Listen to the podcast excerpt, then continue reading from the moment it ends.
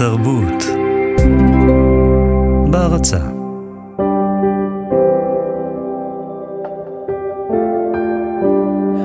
מכירים אותה כרונית כפיר, המיתולוגית ההיא מגלי צה"ל.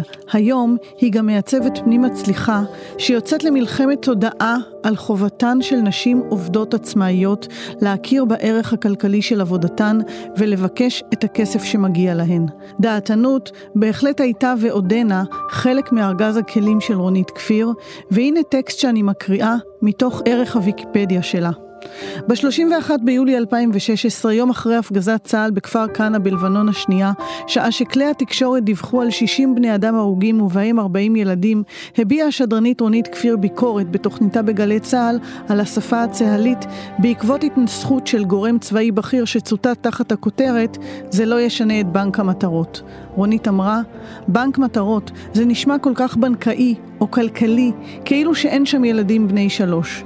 בעקבות הדברים האלה התקבלה בתחנה תלונה ממאזינים, ובהם קצינים בצה"ל שטענו שכפיר מאשימה את צה"ל בהרג מכוון של ילדים בני שלוש. מפקד התחנה החליט להשעות אותה מהגשת התוכנית לאלתר. לאחר השעיה של שלושה חודשים משידור, הציעו לה לחזור לתפקיד ניהולי זוטר בתחנה, אבל היא בחרה להתפטר. אותי זה לא מפתיע. אם הייתי צריכה להגדיר את רונית כפיר במילה אחת, הייתי בוחרת במילה דעתנית. כך הרגשתי כלפיה מיד אחרי שיחת הטלפון הראשונה שלנו, שבמהלכה, אם להודות על האמת, אפילו קצת חששתי מפניה.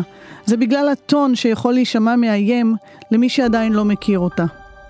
בשנים האחרונות היא החליטה שמה שמתמרץ ומעיף אותה קדימה זה לעמוד על בימות כשהיא לבושה בבגדים המעוצבים שלה ובליפסטיק אדום ולהגיד לקולגות שלה, בחייאת, תכירי בערך האמיתי שלך.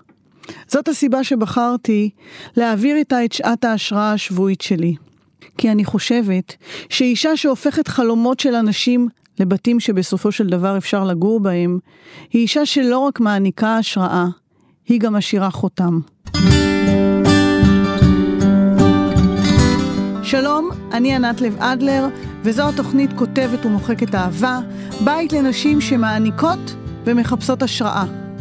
שלום לאורחת הדעתנית שלי, ושגם אוהבת מאוד מאוד לדבר, אז אני אשתוק פה הרבה. רונית כפיר, לשעבר אשת גלי צה"ל, והיום מעצבת פנים ומרצה לנשים עצמאיות על היחסים המעוותים שיש להן עם כסף.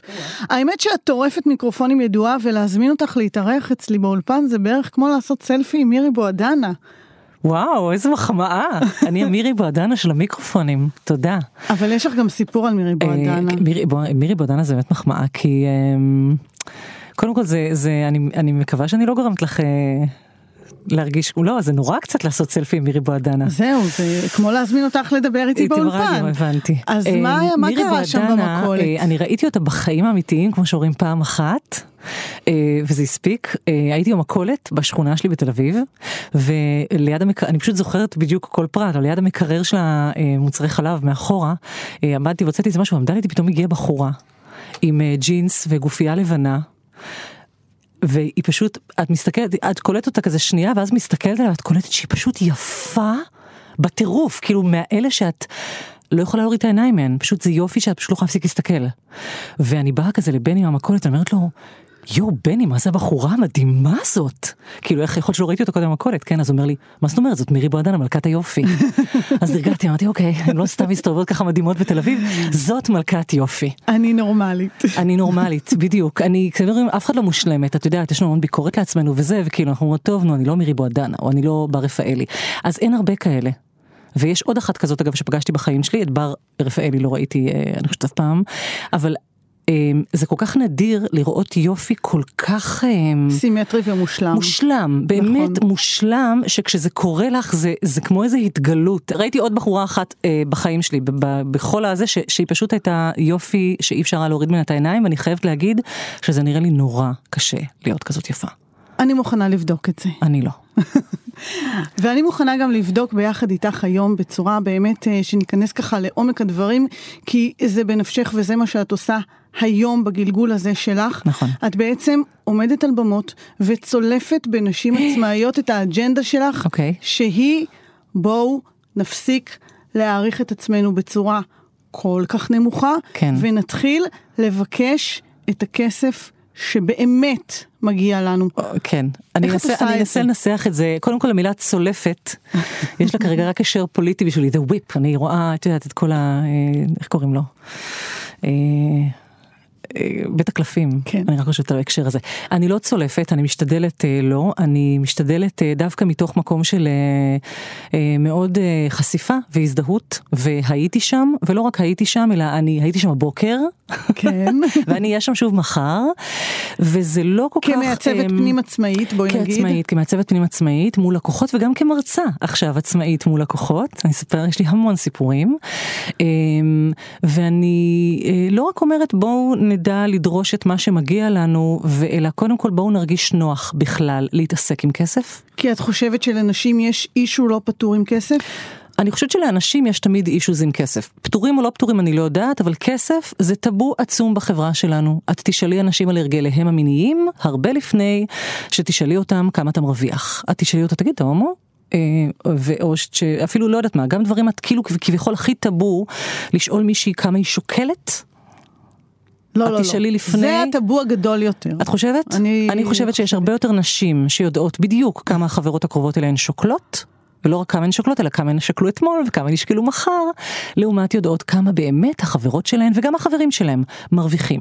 זה רק ככה להסביר לך עד כמה בעיניי זה ממש טאבו בחברה שלנו, כי כסף מייצג המון דברים רגשיים, והוא בדרך כלל מגיע אלינו כמו דברים רגשיים אחרים, כמו אהבה, כמו סקס, כמו הרבה דברים שאנחנו יונקים בבית הורינו. אוקיי. אה, המון דברים שחבויים עמוק עמוק עמוק ב... האם כסף בשבילי זה הערכה, האם כסף אומר כמה אני שווה, האם כסף אומר כמה אני פופולרית, האם כסף אומר כמה אני נדיבה וחברה טובה, כמה לתת לבר מצווה של הזה. את יודעת, כל הניסיון הזה לעשות איזשהו מתאם בין כמה כסף לתת בעולם, שזה בעצם, כסף אמור להיות איזשהו מייצג אובייקטיבי למשהו. אוקיי? יש ערך לכוס הזאת ויש ערך לשולחן הזה ו- וזה אומר כל מיני דברים. אז כמה לתת בר מצווה, אז כאילו, את יודעת, יש המון אתרים שמנסים לפצח את המתאם הזה, רגע, היא חברה קרובה או לא חברה קרובה? זה בבוקר או בערב. וברגע שאנחנו בעצם עוברים לכמת בכף את עצמנו במונחים של כסף, כן. מה קורה לנו? הו, אה, למה אנחנו שם בדיוק נכשלים. ובעיקר של נשים עצמאיות? אוקיי, אז אמ, קודם כל זאת בעיה, זאת הרבה פעמים בעיה, זה, זה עניין. כאילו, אני בטוחה שכל מי ש, שעכשיו מקשיב אומר, כן, וואלה, גם אצלי זה עניין. זה אז יכול להיות גם לשכירים? גברים. למה זה קורה ומה את אומרת אז להם? קודם כל לעצמאיות ועצמאים זה קורה כל הזמן. כי פתאום את מבינה כשאת עצמאית שכל פרויקט חדש שתעשי וכל לקוח חדש שתפגשי ועוד תדברי איתו, תצטרכי לדבר איתו על כסף במוקדם ובמאוחר. זה דבר ראשון. אז עצמאיות פוגשות בזה כל הזמן. אלא אם כן את עושה פרויקט אחד של חמש שנים, אז פעם בחמש שנים את צריכה לדבר עם... אה, וכשאת מרצה לאותן עצמאיות, כן. מה את אומרת להן? או, אני אומרת להם המון דברים, אבל uh, אני אגיד לך רגע על נשים וכסף. אני כן חושבת שהחברה שלנו עדיין מאוד מחולקת לתפקידים מוגדרים של גברים ונשים, מה, מה, מה נחשב נשי ומה נחשב גברי. ועול גדול שהגברים נושאים, שאני מקווה שיום אחד גם הם יורידו אותו מעליהם, זה עול הפרנסה. ובעולם שלנו, שבכלל אני חושבת שאנחנו חיות באיזה מקום קצת פוסט, פוסט פמיניסטי, שאנשים אומרים, אוקיי, השגנו שוויון, זה בסדר עכשיו לחזור הביתה ולגדל את הילדים. שאני, כאילו, את מבינה, אני מקווה שאני לא חושבת שזה נכון, אבל מתוך העמדה הזאת אני פוגשת המון נשים שמסתכלות על עצמן בתור פרנסה שנייה, אה, מפרנסת לא עיקרית, בתור דמי כיס, כלומר, אם עד היום לא עבדתי, ונגיד הייתי עם הילדים בבית וגידלתי אותם כמה שנים ועכשיו אני רוצה לחזור לשוק העבודה, אז כל שקל שאני אכניס זה וואי, איזה מגניב עוד שקל הביתה, אבל זה מין קופה קטנה. אז מראש הן מתייחסות לעצמן בתור משהו קטן ותוספת, ולא אה, אני המפרנסת, ואגב, כשאני פוגשת כן אה, נשים חד-הוריות, או נשים שלא נמצאות לצד גבר ש, שמרוויח יותר מהן, וגברים בדרך כלל עדיין מרוויחים יותר מאיתנו, לפעמים היחס שלהן שונה, כלומר אין ברירה. ההכרח הוא אבי ההמצאה, נכון, את יודעת. אז אני צריכה לצאת לשם, אני צריכה להרוויח כסף, אני צריכה לפרנס עכשיו להאכיל פיות, שזה גם משפט שיושב נורא על משהו רגשי, יש לי פיות להאכיל, אני שומעת עצמאיות אומרות שלפעמים מסבירות את זה ככה ללקוחות שלי, אני נורא מצטערת, אני חייבת, יש לי, אני צריכה ל... ל- זאת אומרת, יותר קל לה להגיד ללקוח שהיא צריכה להאכיל את הילדים, מאשר להגיד ללקוח, תקשיב, אני שווה את הסכום הזה. לגמרי. כשזה מגיע לכמה אנחנו שוות, באופן כללי אני חושבת שנשים גם מחנכים אותנו להיות צנועות, לא להתרברב יותר מדי, לא לעוף על עצמנו יותר מדי. אמ, אצל גברים אנחנו כבר רגילות לזה, לגברים אז מה שחצנים את שעפים על עצמם. כאימא כן. עושה כדי לחנך את הבת שלך אחרת? אה, אני, I am, מה אני, אני לא עושה דברים, אין לי איזה אג'נדה, היום נלמד פמיניזם מרקסיסטי. למרות שכשאני לומדת פמיניזם מרקסיסטי אני מספרת לה, בואנה היום שמעתי אחלה הרצאה על פמיניזם מרקסיסטי ואני אסביר לה מה זה. אה, מה שאני עושה כאימא, קודם כל אני התחתנתי עם האבא הנכון. ולא רק נכון, אלא, אלא מראש מערכת היחסים שלנו. שמרוויח הרבה או שהוא פמיניסט? לא, שהוא אפילו לא צריך להתקרב פמיניסט, הוא אבא שותף להכל והיא גדלה בבית שבו אין דברים שרק, אתה יודע מה אולי יש טיפה דברים שרק אבא עושה דברים שרק אמא עושה אבל לא בגלל שהוא בן והיא בת אלא בגלל שהיא טובה בזה והוא טוב בזה. אמ, אבל שנינו עושים הכל ובמידה שווה שנינו לקחנו חופשות לידה. וברור לי אגב שזה שאני לקחתי חופשת לידה ויכולתי להרשות לעצמי לחזור לעבוד אחרי שישה שבועות, זה כי כן היה לי ג'וב יוצא דופן בתור מגישה ברדיו של תוכנית יומית של שעתיים שיכולתי לעזוב את התינוק שלי לשעתיים ולחזור, אפילו בלי לשאוב, לרוץ חזרה להניק אותו, אוקיי? אבל כן הוא לקח חופשות לידה למשל, כן הוא גידל את הילדים שלו, כן הוא חיתל את הילדים שלו, כן הוא מבשל להם, כן הוא עושה הכל. אז את אומרת בעצם לאותן נשים שאת פוגשת שכדי להכיר בערך עצמכן אתן צריכות גם לצדכן מישהו שישקף לכן את זה או שזה משהו אישי? לא, ממש לא שלנו. הערך איך שלי, את מביאה, איך את מביאה אישה כזאת מהמקום תראי, שבו היא אומרת לא זה לא מגיע לי לא אולי אם יסכימו לתת לי למקום זהו, שבו היא אומרת אני שווה. אתה, קודם כל אני, אני לא בטוחה שאני מביאה אותה למקום הזה, אני קודם כל מציגה לה את המקום הזה שזאת אני. רוב הזמן אני מרגישה שאני יודעת מה אני שווה. גם לי יש מקומות שבהם אני לא מתמחרת את עצמי כנראה כראוי, גם לי יש מקומות שלא נעים לי, אני קוראת להרצאה שלי מלא נעים לי לנעים מאוד, שזה איזשהו שינוי פאזה. ממקום מתנצל של יואו לא נעים לי לבקש כסף, לא נעים לי להציב גבול, לא נעים לי להגיד ללקוחות שלא יצלצלו אליי בעשר בלילה, לא נעים לי להגיד לאימא מהגן שלא בא לי לבוא אליה לקפה ולהגיד לה איך לעצב את הסלון כי... שאני רוצה לקבל על זה כסף, לא רוצה לקבל על זה כסף. זאת העבודה אז שלי. אני לא מביאה אותן, ענתי, אני לא מביאה אותן למקום הזה. אני אגיד לך מה אני עושה. קודם כל אני מציגה בפניהן את המקום הזה, ככה אני גם מגדלת את הילדים שלי. אני לא מטיפה להם, אני, אני... מראה להם. אני מראה להם, ילדים לומדים מלהסתכל. נכון. אם אני רוצה שידברו אליי בכבוד, אני אדבר על אבא שלי בכבוד. ו, ואני לא אלכלך אה, על חברות או על אה, בני משפחה אם אני לא רוצה שהילדים שלי ילמדו שככה יעשו. אז אותו דבר הלקוח, העצמאיות, הלקוחות שלי בהרצאות. קודם כל אני אה, מראה להן את עצמי ואיך אני מתמודדת עם מצבים. דבר שני אני מספרת להן טעויות שאני עשיתי, וטעויות שאני עדיין עושה. ואני קודם כל גורמת להזדהות. ודבר שלישי, אני מציגה בפניהן מראה. ואני בעיקר מציגה את המראה של, עזבי רגע איך תגיעי לשם, להגיע לשם יכולה להיות דרך ארוכה. בשביל להבין את כל ה... אני עדיין מתעסקת בלהבין את הבעיות שיש לי למשל עם כסף. כי זה באמת חפור עמוק, זה קבור עמוק. בואי טיפה נציף את זה. לה, אבל אני רק רוצה להגיד על, ה, על ה, המראה שאני שמה בפניהן.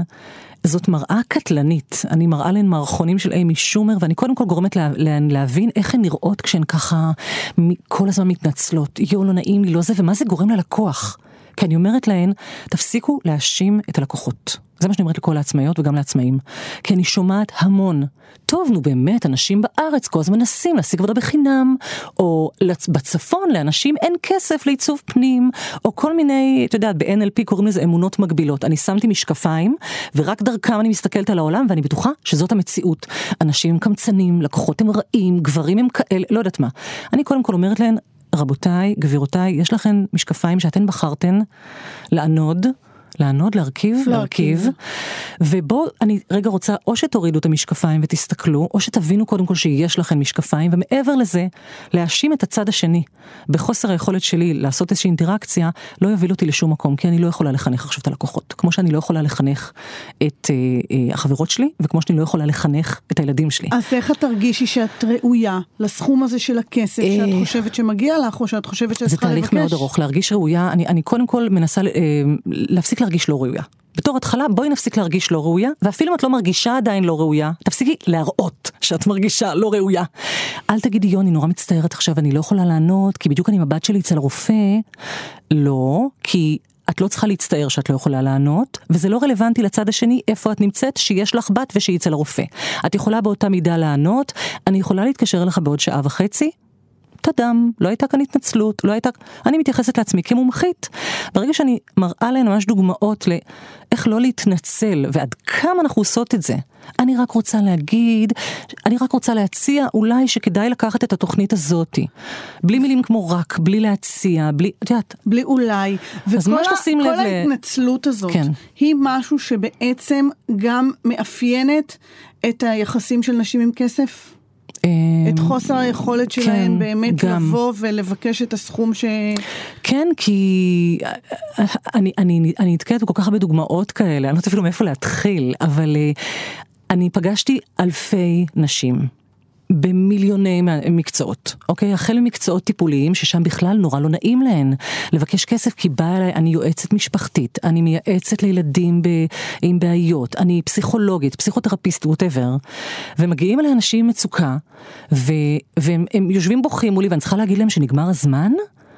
אז איך אני עושה? נורא לא נעים לי, אז מבינה? מה, היא נותנת עוד חצי שעה על חשבונה? אז היא נותנת עוד חצי שעה על חשבונה, ואז במקום לקבל 200 שקל לשעה, היא מקבלת 200 שקל לשעה וחצי. ואותך זה שזה- משגע. ברור שזה משגע, ואני מכירה אנשים ואנשים שנותנות בלי סוף את הדברים שלהם, את העצות שלהם, את התובנות שלהם, את המוצרים שלהם, כמעט בחינם. למה? למה? למה? א', הן עושות את זה כי הן לא יודעות איך לבקש כסף, לא לימדו אותן. הן לא יודעות איך ולא נעים להן איך, אז לפעמים אומרות, טוב לא נורא, אני אתחיל בחינם, אחרי זה כבר יגיע לי ביטחון לבקש כסף, ואז הן איכשהו מוצאות את עצמן במערכת יחסים שלמה שהיא בחינם, אז אומרות, טוב, כבר התקדמנו כל כך עמוק לתוך הפרויקט, לא נעים לי להגיד לו שזה בעצם בתשלום. למה הן לא יודעות?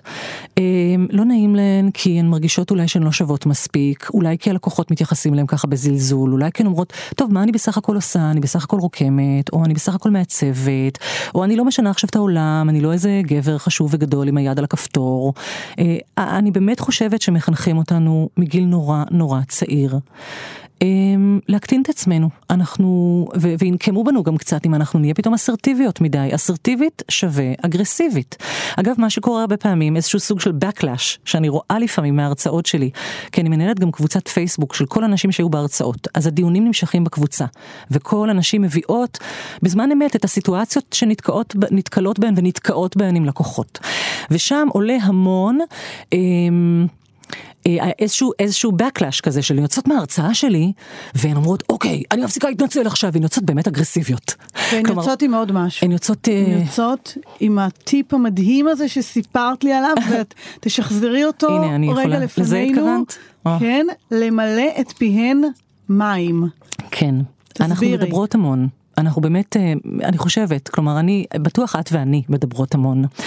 אבל נשים נורא מדברות, נורא, אה, את יודעת, גברים סגורים, זה כאילו קצת נכון הסטריאוטיפים האלה. גברים יותר מופעמים, יותר סגורים, יותר חושבים על דברים בטח לפני שהם יורים, ואנחנו הכל יוצא לנו מהפה. ולכן מצלצל אליי לקוח ואומר לי, שלום רונית, קיבלנו את הצעת המחיר שלך. אמ, תשמעי, היא קצת אה, הפתיעה אותנו, היא מאוד גבוהה, לא חשבנו שזה יהיה... עכשיו, מישהי שהיא איננה אני, ששומעת את המשפט הזה, מיד אומרת, "אה, אוקיי, אז כמה אתה חושב ש... מה מתאים לך? מה... כן, אני יודעת, יצא לי קצת גבוה, או מתחילה להתנצל ומיד פותחת משא ומתן להורדת המחיר. ואני גיליתי לגמרי במקרה שהדבר הנכון לעשות הוא לשתוק. כי לא כל הלקוחות, יש כאלה שכן, אבל לא כל הלקוחות יעברו מיד ללהגיד, אה, אז אפשר הנחה, אולי תורידי את המחיר, חלק יהיה להם לא נעים לבקש הנחה. ואם אני אשתוק, יכול להיות שהמשפט הבא יהיה, אבל אנחנו נורא רוצים לעבוד איתך, אז אה, יאללה. יכול להיות שהלקוח רצה להגיד את זה, אל תכניסי לו מילים לפה, גם עם ילדים אגב. וכדי לשתוק, את לוקחת לגימת מים, את ממלאת את כן. פיך מים, אני בפגישות ייעוץ, הלכה לפעמים- למעשה. ממש, אני, אני לא יכולה לסתום, אז בפגישות ייעוץ אני, יש מולי כוס קפה ואני מזכירה לעצמי, עכשיו תשתי ותשתקי.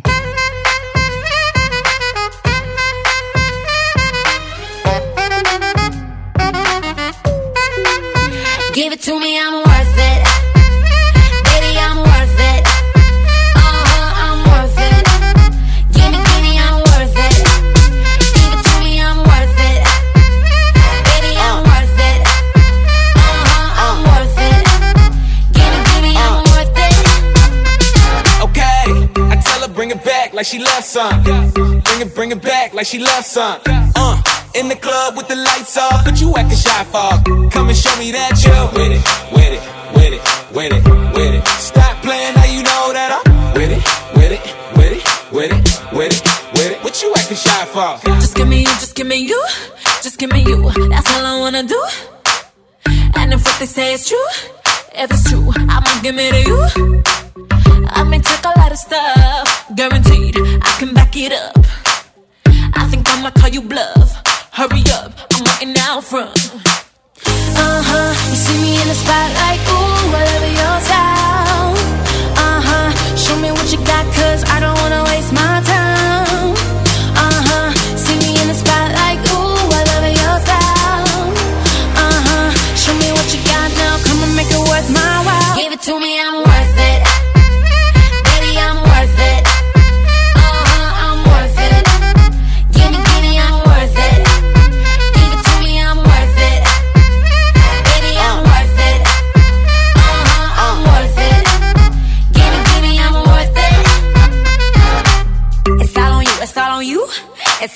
So what you wanna do? And if you don't have a clue, not a clue, I'll tell you what to do.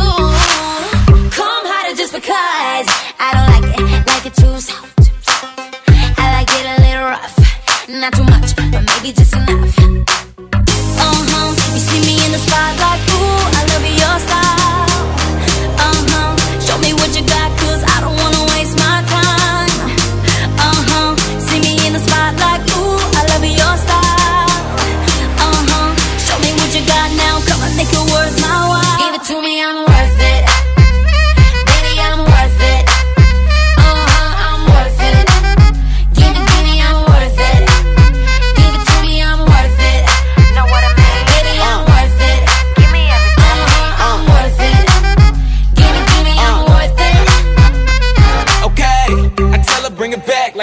Bring it, bring it back like she loves some. Uh, in the club with the lights off, but you acting shy for. Come and show me that you're with it, with it, with it, with it, with it. Stop playing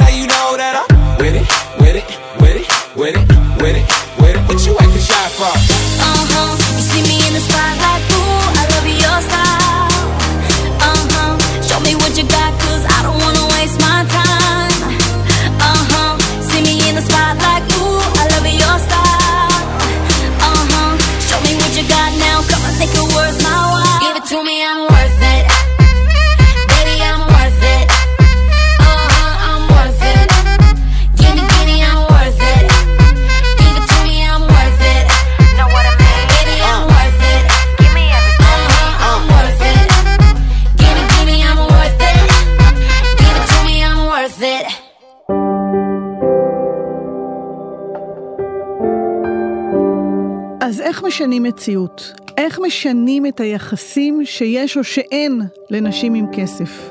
איך מחליפים את הפחד מפני הדיבור על כסף לדחף שיגרום לנו להרוויח את מה שמגיע לנו? איך זה יכול להיות שבמדינה שבה יש נשים בצמרת העשייה הכלכלית כמו מנכ"ליות של בנקים, נגידות בנק ישראל, חשבות כלליות באוצר ועוד תפקידים בכירים ומרשימים המאוישים על ידי נשים, איך זה יכול להיות שעבור נשים רבות מדי בהתנהלות היומיומית, עדיין יש בעיה לדרוש את המגיע לנו. ולמה נשים בישראל עדיין מרוויחות פחות מהגבר שיושב לצידן במשרד ועושה את אותה עבודה. אישה אינה נולדת אישה, היא נעשית אישה, פסקה הפילוסופית והסופרת הצרפתייה המוערכת סימון דה בובואר. ואכן, אישה הרי אינה נולדת כשיכולת ההשתכרות שלה נמוכה מזו של הגבר, ואישה אינה נולדת כאשר היא חוששת לעמוד על שלה, ואישה אינה נולדת כשתאוות הקידום שלה מסורסת. זהו רק החינוך שאנחנו מעניקים לבנות שלנו, וחלוקת הכוח הבלתי שוויונית שמקצצת לנשים את הכנפיים ועדיין ממסמרת רבות מאיתנו אל הקרקע. זוהי החשיבה המגבילה מראש, לעתים גם שלנו עצמנו, שעושה אותנו מתוגמלות פחות, מקודמות פחות, ומתוך כך, לצערנו, גם משפיעות פחות. תפקידנו כהורים הוא לשנות את הנורמות. תפקידנו כהורים הוא לשדר לבנות שלנו שהן נולדו שוות לבנים, ולכן הן מסוגלות להתקדם ולהרוויח לא פחות ואף יותר. הן מסוגלות ללמוד מתמטיקה ופיזיקה בדיוק כמו הבנים, ולפנות לפוליטיקה ולעמדות כוח בדיוק כמו הבנים, והן מסוגלות ואפילו חייבות, להיכנס למשרד של הבוס, לדפוק עם עקב הסטילטו או עם הסניקרס על השולחן ולהגיד, fuck it, לא מוכנה להרוויח שקל אחד פחות מהגבר שיושב לידי. שלום לדוקטור רונית נשר, פסיכותרפיסטית, מומחית לתודעת שפע. שלום שלום, מה נשמע? בסדר גמור. דוקטור נשר, את פיתחת את המודל שנקרא תחושת ראויות. בואי תספרי לנו מה זה אומר. אז אני חושבת שהמודל הזה היה קיים מאז ומתמיד, אני פשוט uh, ככה מיקדתי ושמתי לב. אז אתם מכירים את זה שיש מישהו שאתם יודעים שהוא מעולה בתחום שלו, אבל ממש מעולה. ואיכשהו לוקח מחירים מאוד מאוד מאוד נמוכים, וכשאתם רומזים לו, אומרים לו, תשמע, אולי הגיע הזמן להעלות מחיר, אז הוא עושה מין תנועה קטנה כזאת עם הכתף ומין השפלת ראש כזאת של, אה, כזה, אני לא יודע, לא נעים לי. אבל זה לא הלא נעים הרגיל, ברור שזה יושב על משהו אחר. אז בעצם תחושת ראויות זה התחושה הפנימית הזאת שהיא לא באה מבחוץ ולא משנה כמה אישורים חיצוניים אנחנו נקבל, תחושה פנימית שנבנית עם השנים שגורמת לנו להרגיש את השווי שלנו, את הערך שלנו ואת זה שאנחנו ראויים למשהו. עכשיו, זה ככה בגדול. התחושה הזאת נבנית עם השנים, את אומרת, אבל יש לנו סיכוי לחזור אליה, לבסיס שלה, ולתקן אולי משהו שנפגם שם כדי שלא נמשוך בכתף?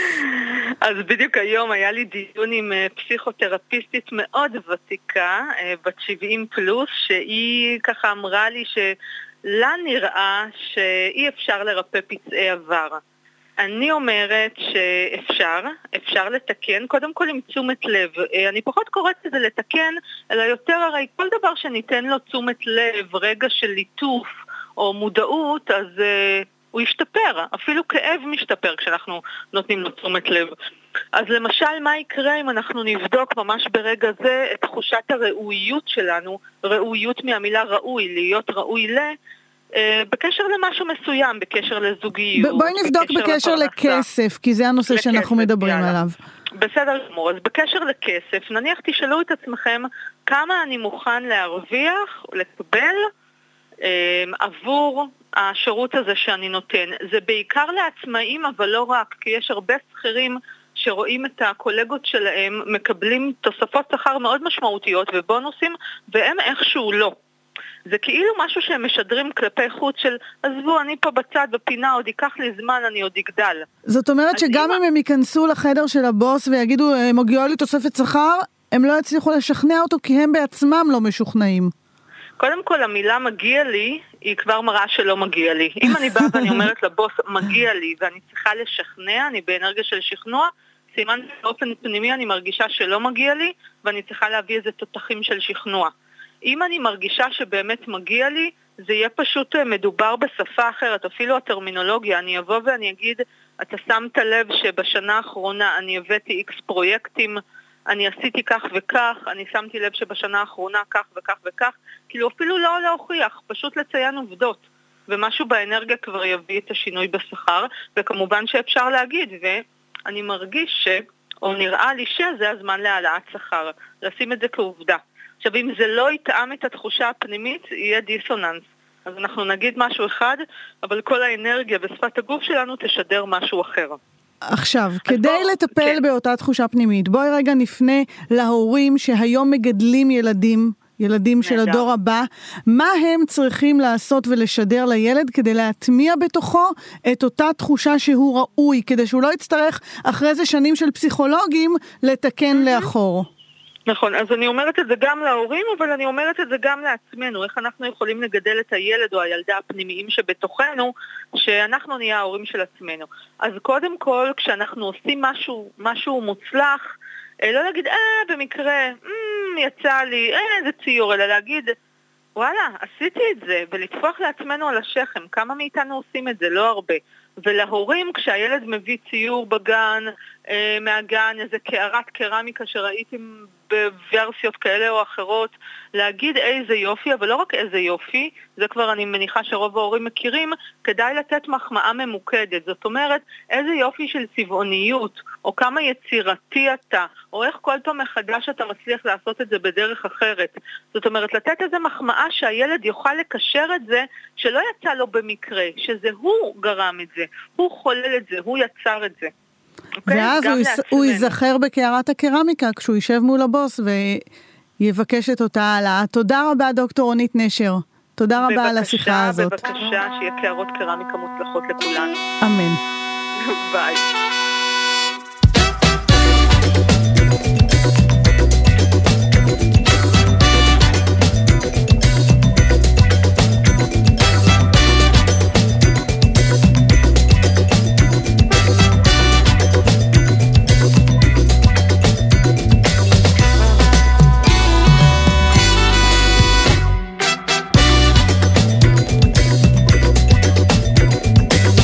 כל רגע בו אנו חיים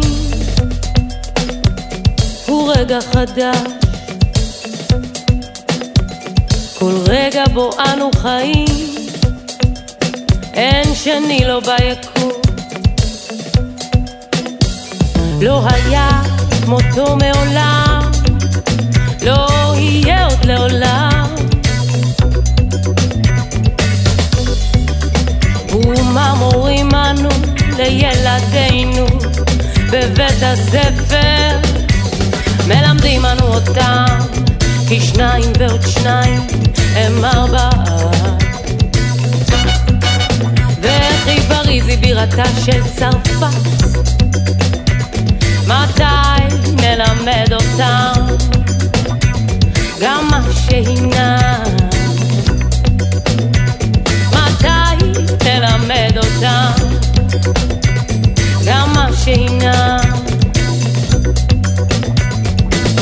עלינו לומר לכל אחד מהם יודע אתה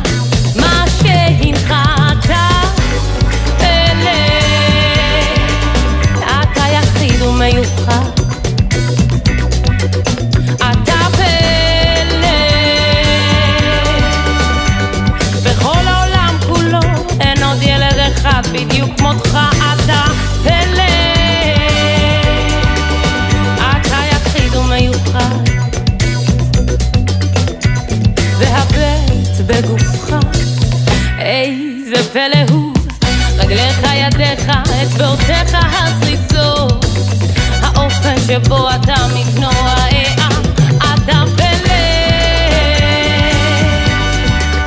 עשוי אתה להיות כשייקספיר, מיכאל אנג'לו בטהובן. או,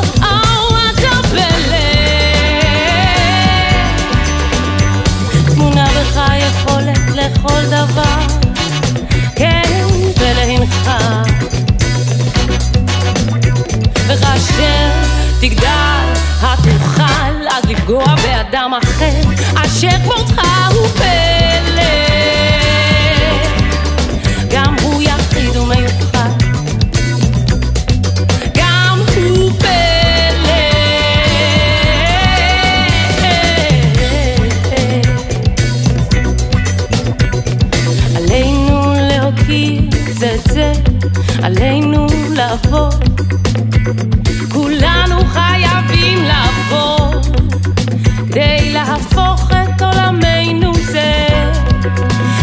שיהיה ראוי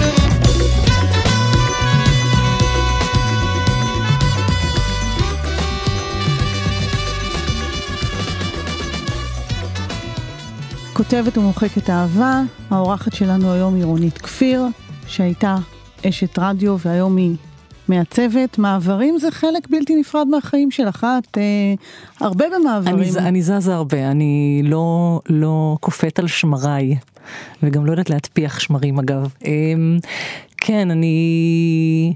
אה, אני, אני זזה הרבה, אני לא כל כך מעניין אותי, כלומר מעניין אותי מה, מה אני אהיה כשאני אהיה גדולה, אבל אה, אה, פעם אחרונה שחשבתי את זה כשהייתי ממש קטנה.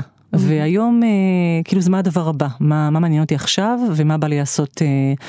יש לי תרגיל למעשה שאני צריכה להכין לשבוע הבא, איפה אני אה, רואה את עצמי בעוד חמש שנים, את לא מבינה כמה זה קשה לי. אז המעברים שלך הם יזומים, או שאת פשוט זורמת עם מה שהחיים...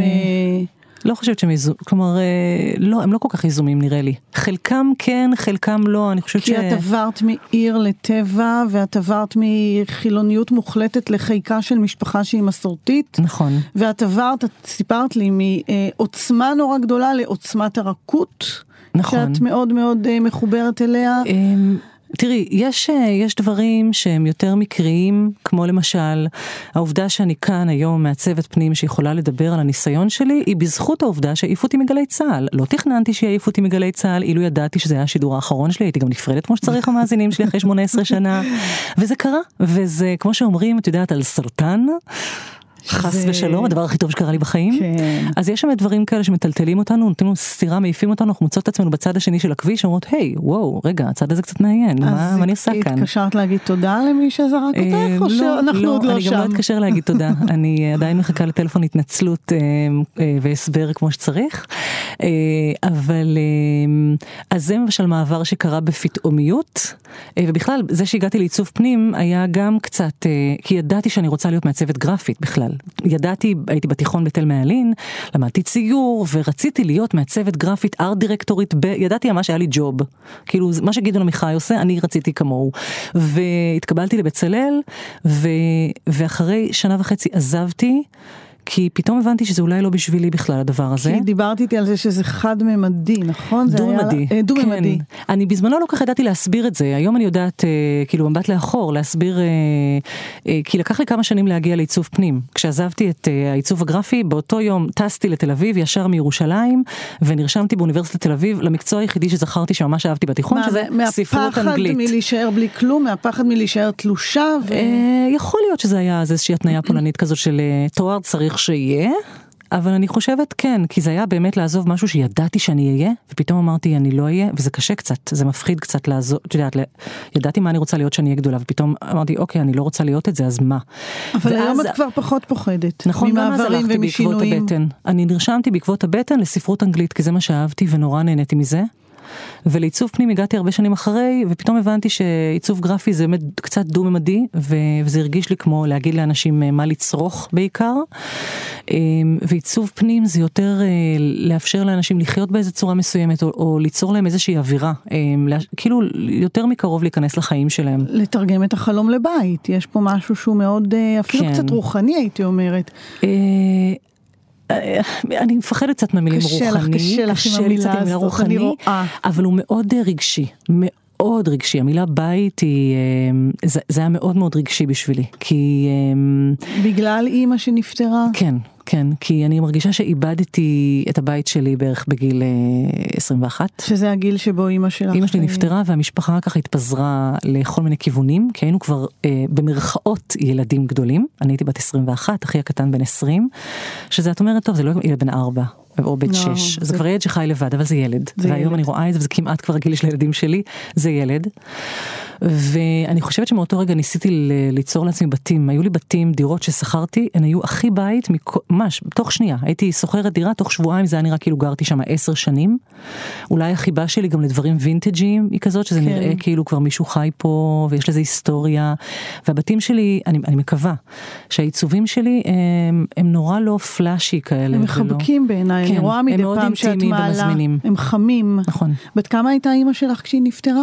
בת 53 או 54, יש פתאום איזה ויכוח ביני לבין האחים וזה שלי. איזשהו גיל שככה הוא תמרור, כן, אה, את וואו, פוחדת? לגמרי. אני לא יודעת להגיד אם אני אפילו פוחדת, אבל זה, זה שמה, זה מעסיק אותי לגמרי. אני עוד שנייה בגיל שאימא שלי חלתה בו. אני עוד רגע בת 47, לא עוד רגע, זה לא כל כך קרוב, אבל אני בדרך ל-47. את לא נראית. תודה. אני בדיוק עליתי על איזה משהו ש... איך את יודעת שאת מתחילה להזדקן כשהמילה לגילך נוספת לכל מיני כן. מחמאות. קיבלתי תוצאות של בדיקות דם מהרופא שלי, אמרו לי זה בסדר, הוא אומר שהכל תקין לגילך. עכשיו גם כשהייתי בת 20 ועשיתי בדיקות דם הן בטח היו תקינות לגילי, אבל אף אחד לא אמר לי את זה, זה תקין לגילך, את נראית טוב לגילך, אה, אז אה, כן, אני נראית טוב לגילי. והבת שלי אומרת לי את זה, אמרה לי איזה יום, בואי אמא את ממש נראית טוב לגילך, אמרתי לה עינב, את רוצה להגיד לי תגידי שאת נראית טוב. עזבי את הלגילך. את נראית יותר צעירה? אמרתי לה אני לא רוצה לראות יותר צעירה, אני רוצה לראות טוב. תמיד. אז אה, בעצם כן. הבית היום הוא הוא דני, אה, המשפחה של דני.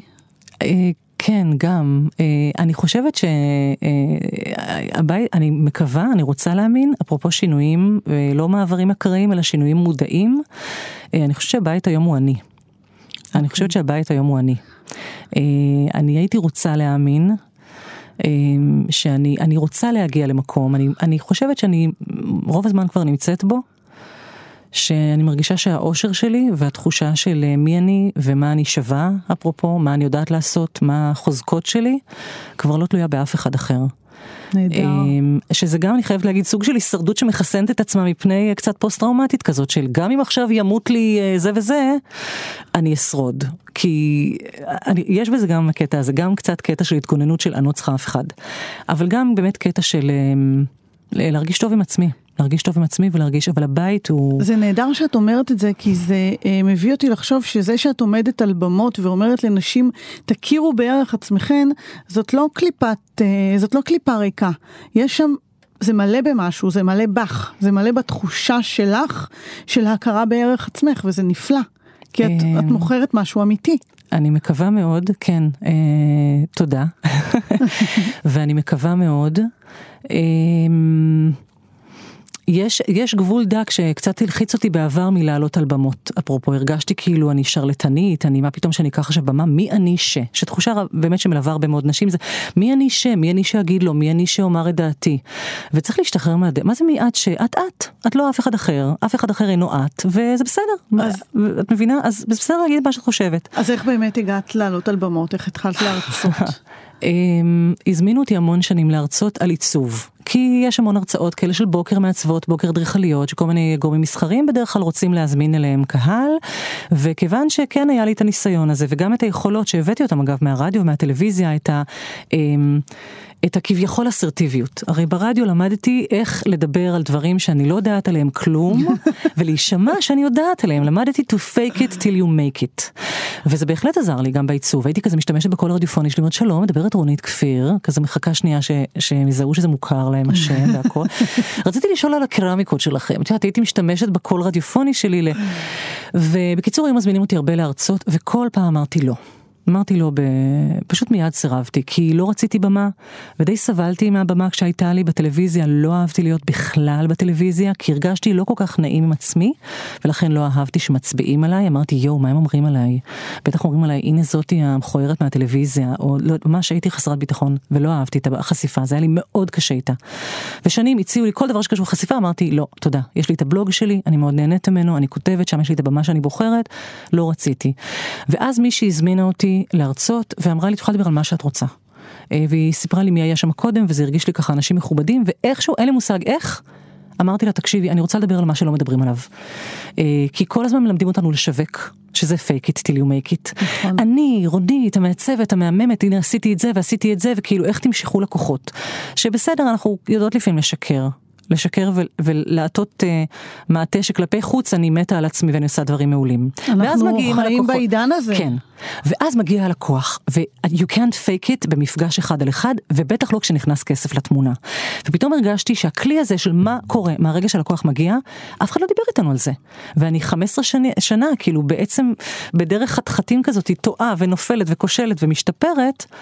אמ, וזה התחיל גם בתהליך של אה, ייעוץ שעברתי, מאוד, מאוד ארוך, אני כבר איזה שנתיים, זה התחיל מתור ייעוץ עסקי, שבאתי בק- באמת אה, עם שאלה של אה, אוקיי, לאן עכשיו? אני כבר במקום מבוסס יחסית, ואני לא מצליחה עדיין להעלות מחירים, ואני לא זוכרת אפילו עם אילו שאלות הגעתי לזה. אבל זאת אומרת, הגעתי... את בעצמך התמודדת עם כן, הדברים שדיברת בטח. עליהם, זאת אומרת, זה בכלל תהליך תרפויטי כל ההרצאות האלה. ברור. את מדברת חושבת- לעצמך. כל אחד שעל במה זה תהליך תרפויטי. במקרה יש קהל. את לא יודעת את זה? הרי כולנו בתהליך תרפויטי, אני שלי פשוט מצליח. אבל זה באמת קרה באמצע התהליך הזה, ו... וממש מהבטן אה, המצאתי הרצאה, וב-24 שעות פגשתי חברה טובה שנתנה לי שני טיפים כאילו של אה, מההרצאות שהיא נותנת, החל מאיזה כלים להשתמש כאילו פיזית ו- וכאלה, וזה יצא פגז, פשוט זה היה כמו אש בשדה קוצים. כי זה עכשיו- היה חסר, כי לא רק היה כי זה היה לזה חסר, זה היה גם צורך. פגז בשבילי. כן. אני חזרתי אל הקואוצ'רית שלי אחרי ההרצאה הזאתי, בהיי, כאילו יצאה לי חשמל מכל הקצוות של השערות שלי, אני הייתי כאילו גנרטור, אני חושבת שיכולתי, כמו את כל עכשיו, את איזה כל רמת גן, את כל המזרח התיכון, מינימום, במינימום, אם לא את כל החצי כדור הצפוני, אוקיי? זאת הייתה הרגשה, ההרצאה הראשונה הזאת, של הפיידרים האלה שיש אה, לאסף כאן, הרגשתי שאופס סליחה, מישהו לקח את כל הפיידרים שלי שטכנאים יש תמיד את התמונות בקליפים, שכזה עשר אצבעות על כל הפיידרים, ואז הוא כזה... "אה", מעלה אותם לפול ווליום, ככה הרגשתי, הרגשתי בואנה מישהו כאן פתח לי את הפ... כאילו הכל בחיים, מה זה, את יודעת מה, זה בטח קרה מתישהו בחיים, אולי מההתרגשות, אבל לא רק אדרנלין, אלא כשילדת.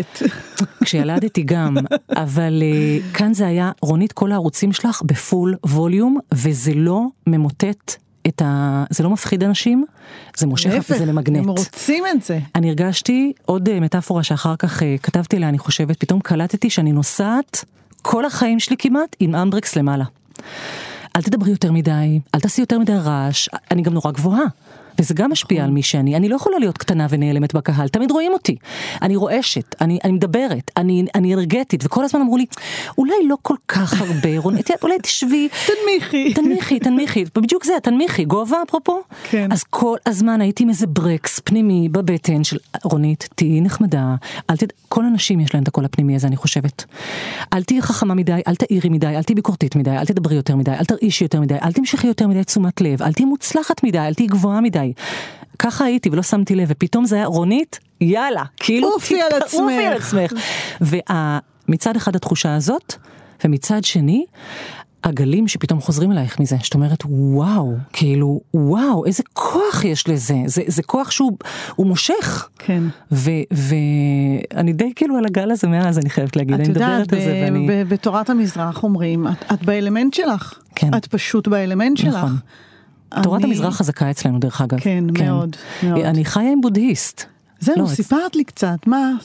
תני לנו איזה שיקוף. אה, הוא עושה ויפאסנה כל הזמן כדי להתמודד עם כמויות המלל. שיש בבית. אה, אבל אה, אני חושבת שזה, את יודעת, ויפאסנה, אנשים שומעים ויפאסנה זה תמיד בדיחה שאני משתמשת בה גם בהרצאות, כי אני מדברת הרבה ומהר. אנשים שומעים ויפאסנה ואומרים לשתוק. אבל ויפאסנה זה הרבה יותר מלשתוק, לא עשיתי, עדיין. אין אני- לך סיכוי, מה? אני דווקא חושבת שכבר יש לי, אני חושבת שיש לי. העניין הוא לא הלשתוק, העניין הוא ה being.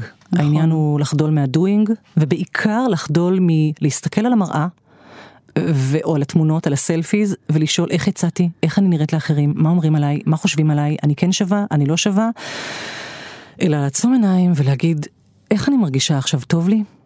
כואב לי? וברגע שאת מסוגלת לעשות את זה, את מן הסתם גם מסוגלת לבקש את מה שמגיע לך. כן, אני אומרת, אפרופו בוא'נה, אני- מה שהתחלנו feeling איתו. pretty, pretty damn good about myself, אה, למה שאני לא אבקש על זה, כן. אמ, נהדר, איזה closure מהמם. כן, זה תודה מאוד נחמד. רבה, רבה.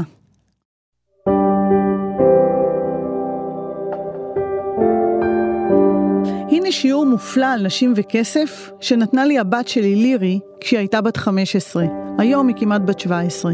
לירי היא בסיסטית בלהקת רוק שהיא בעצמה הקימה ומשקיעה ממון רב בכל הקשור בתחביב הנחשק שלה. רכישת מגבר וגיטרות, תשלום על חדרי חזרות, שיעורים פרטיים אצל מורים קשוחים, נסיעות להופעות ועכשיו גם הקלטה של דיסק ראשון. כל אלה מצטברים לסכומים נעים בכל חודש.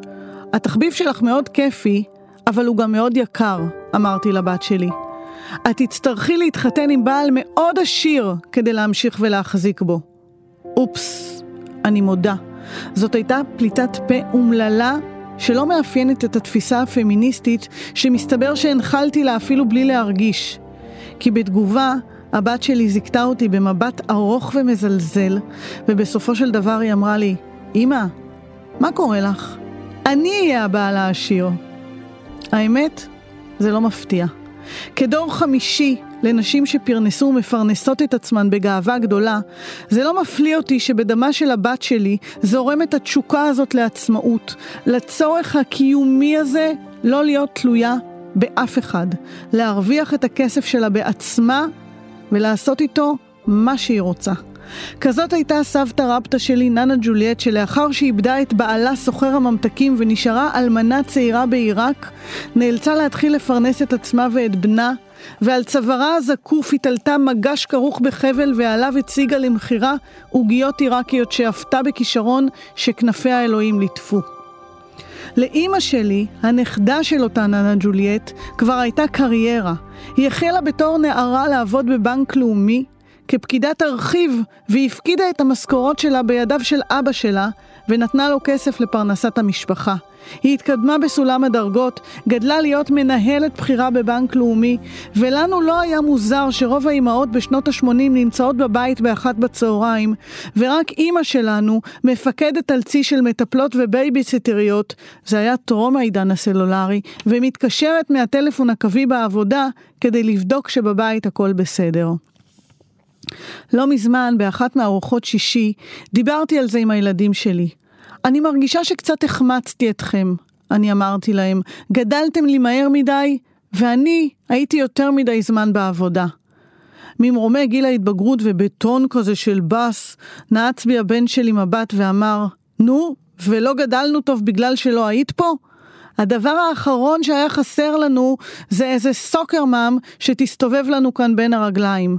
וחוץ מזה, הוא אמר לי, אם לא היית עובדת והיית יושבת כל היום בבית ומחכה לנו, היום את היית בבעיה, כי אנחנו כבר לא בבית. תחשבו כמה שזה נכון.